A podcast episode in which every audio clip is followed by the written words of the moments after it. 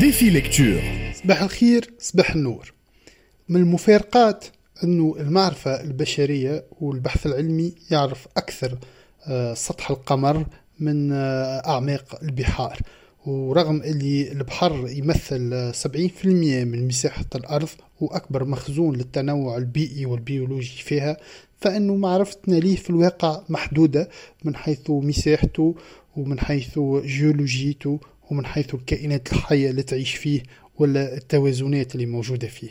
وهذا موضوع كتابنا بتاع اليوم Mondes marins au pluriel العوالم البحرية sous-titré Voyages insolites au cœur des océans الكتاب صادر سنة 2014 أول مرة وعاود صدر عام 2019 من 184 صفحة.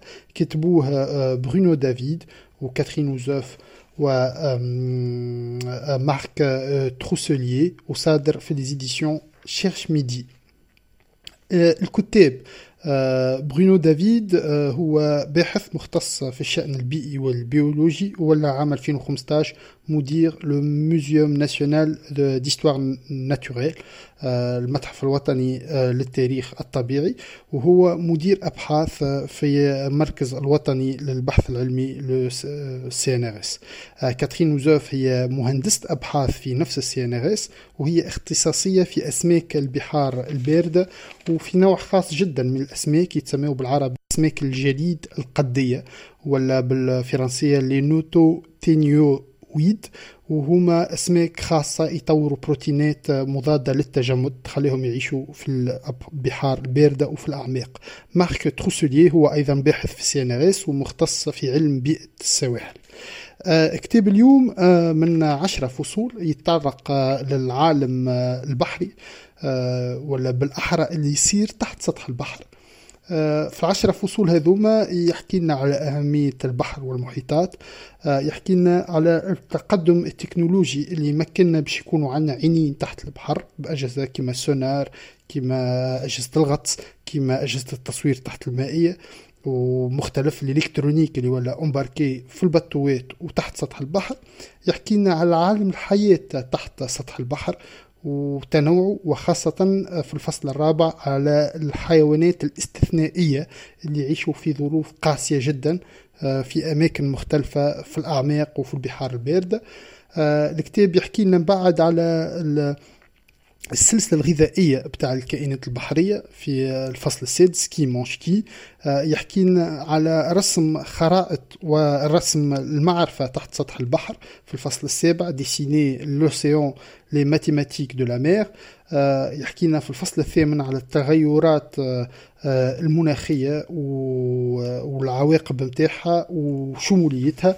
في الفصل التاسع يحكي لنا على علاقة الإنسان بالبحر آه، وضرورة المحافظة على الثروات آه، والموروث هذا وثم آه، في الفصل الأخير يحكي على مستقبل العلاقة هذه الكتاب يورينا حاجات خارقة للعادة أهمية الأحياء المجهرية اللي ميكرو أورغانيزم اللي يعيشوا تحت سطح البحر واللي نجموا يأثروا حتى في تكون السحب.